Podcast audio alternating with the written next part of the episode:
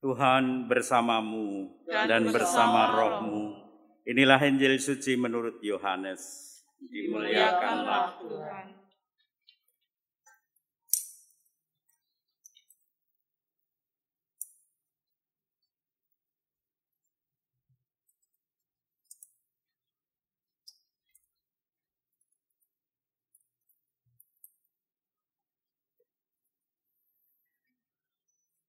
Dalam amanat perpisahannya, Yesus berkata kepada murid-muridnya, "Jika seseorang mengasihi Aku, ia akan menuruti firman-Ku. Bapakku akan mengasihi dia. Kami akan datang kepadanya dan tinggal bersama-sama dengan dia. Siapa saja yang tidak mengasihi Aku, ia tidak menuruti firman-Ku." Firman yang kamu dengar itu bukanlah dari aku, melainkan dari Bapa yang mengutus aku. Semuanya itu aku katakan kepadamu selagi aku berada bersama-sama dengan kamu. Tetapi penolong, yaitu roh kudus, yang akan diutus oleh Bapa dalam namaku, dialah yang akan mengajarkan segala sesuatu kepadamu dan akan mengingatkan kamu tentang semua yang telah aku katakan kepadamu. Damai sejahtera aku tinggalkan bagimu. Damai sejahteraku aku berikan kepadamu. Dan apa yang aku berikan tidak seperti yang diberikan oleh dunia kepadamu. Janganlah gelisah dan gentar hatimu. Kamu telah mendengar bahwa aku telah berkata kepadamu, aku pergi, tetapi aku datang kembali kepadamu. Sekiranya kamu mengasihi aku, kamu tentu akan bersuka cita karena aku pergi kepada Bapakku. Sebab Bapa lebih besar daripada aku. Sekarang juga aku mengatakannya kepadamu sebelum hal itu terjadi, supaya apabila hal itu terjadi, kamu percaya. Demikianlah sabda Tuhan. Terpujilah Kristus.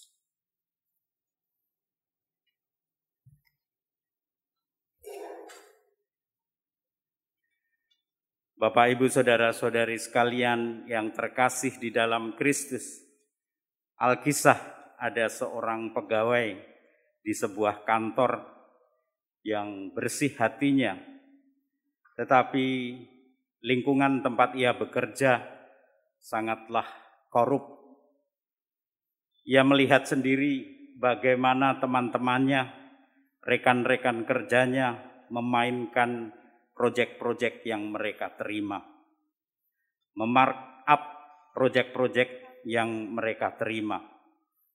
Ia melihat dengan mata kepala sendiri bagaimana teman-temannya menerima uang suap bagaimana mereka mengambil uang yang bukan menjadi haknya.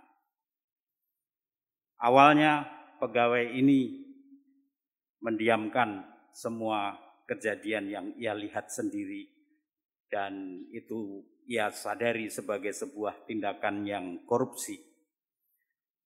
Tetapi suatu saat istrinya sakit dan membutuhkan pengobatan yang sangat mahal tetapi ia tidak punya uang. Maka ia mulai memikirkan bagaimana kalau sekali-sekali saya korupsi. Toh teman-teman saya sudah banyak yang melakukannya. Sekali-sekali mengambil uang yang bukan menjadi haknya. Awalnya ketika pikiran ini muncul, ia sudah gelisah sekali baru memikirkan saja untuk berbuat korupsi, keringat dingin sudah keluar deras sekali. Tetapi sakit istrinya membuat ia tambah gelisah. Dan suatu saat ada uang yang cukup besar di depan matanya. Tidak ada orang yang tahu kalau ia bisa mengambilnya dan ia merasa aman-aman saja karena tidak ada orang yang akan melihatnya. Tetapi suara hatinya bergemuruh. Ia tidak ingin melakukan ini. Tetapi ketika ia ingat istrinya yang sakit dan butuh uang yang banyak, hatinya bergemuruh lagi, gelisah lagi. Akhirnya ia memutuskan untuk mengambil uang itu. Mengambil uang yang bukan haknya. Dan ketika keberanian memutuskan untuk mengambil uang itu, tiba-tiba semua menjadi menakutkan. Ia menjadi takut sekali, hatinya gelisah luar biasa, keringat dingin bercucuran, dan ia merasa semua orang melihat dirinya. Ada yang tersenyum, dan senyumnya seperti mau mengatakan, "Selamat datang di dunia yang korup." Tapi ada juga yang senyum sinis, ternyata kamu sama saja dengan kita. Tidak ada bedanya. Ia begitu gelisah. Tetapi singkat cerita, setahun kemudian ia sudah menjadi koruptor yang besar. Ia melakukan korupsi itu dengan sangat tenang karena sudah tidak mendengarkan lagi suara-suara yang mengganggunya ketika ia melakukan korupsi pertama kali dan suara-suara dalam hatinya itu sudah tidak pernah terdengar lagi.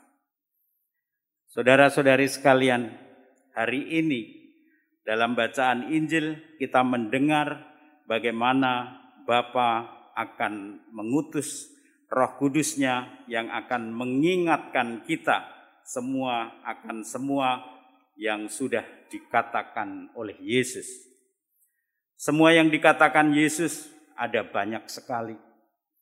Semua yang dikatakan Yesus ada dalam Injil. Dan jika kita benar-benar mengasihi Yesus, kita diminta untuk menjalankan semua yang sudah dikatakan Yesus itu di dalam Injil, di dalam kabar sukacita itu. Dan jika kita lupa akan apa yang dikatakan Yesus itu, Roh Kuduslah yang akan mengingatkan kita. Kisah tentang orang yang bersih yang lalu berubah menjadi koruptor tadi adalah contoh bagaimana Roh Kudus selalu mengingatkan kita ketika kita ingin berbuat dosa, suara di dalam hati kita, suara roh kebaikan berteriak-teriak supaya kita tidak melakukan dosa itu. Pertanyaannya bagi kita semua, apakah kita masih bisa mendengarkan suara-suara kebaikan yang berseru-seru di dalam hati kita itu? Apakah kita masih bisa mendengarkan suara-suara kebaikan yang selalu berseru-seru kepada kita ketika kita hendak jatuh di dalam dosa? Apakah kita masih merasakan suara gemuruh dalam hati kita ketika kita tergiur oleh dosa. Bapak, Ibu, dan saudara-saudari sekalian, adalah Santo Ignatius yang memperkenalkan kepada kita roh baik dan roh jahat. Santo Ignatius mengajarkan kepada kita untuk berdiskresi untuk bisa menimbang-nimbang perasaan kita, untuk bisa memilah-milah apakah rasa perasaan kita ini datang dari roh baik atau roh jahat. Ketika kita ingin melakukan kebaikan, roh baik selalu menyemangati kita agar kita terus berbuat kebaikan itu. Sebaliknya, roh jahat selalu membuat kita malas membuat kita menunda-nunda perbuatan baik kita, membuat kita resah dan bingung, tidak yakin dengan kebaikan yang akan kita lakukan itu. Dan sebaliknya, ketika kita akan jatuh di dalam dosa, Roh Kudus mengingatkan kita dengan suara hati yang bergemuruh, membuat kita gelisah dan berteriak-teriak supaya kita jangan jatuh di dalam dosa lagi. Dan sebaliknya, roh jahat, roh jahat terus ngomporin, terus memprovokasi agar kita berani saja melakukan perbuatan dosa itu. Jadi yang menakutkan adalah roh jahat yang membuat kita jatuh dalam dosa. Yang menakutkan bukan roh gentayangan semacam memedi genderuwo, wewe gombel, pocongan, kuntilanak dan lain-lain itu tidak menakutkan. Tetapi roh jahat yang membahayakan adalah roh yang membuat kita selalu jatuh dan jatuh lagi di dalam dosa. Bapak, Ibu, dan saudara-saudari sekalian, marilah kita mohon rahmat Tuhan agar hati kita selalu peka dan tidak tuli dan masih selalu mendengar suara Roh Kudus yang selalu mengingatkan kita pada semua yang dikatakan Yesus kepada kita. Marilah kita hening sejenak, kita renungkan sabda Tuhan di dalam hati kita.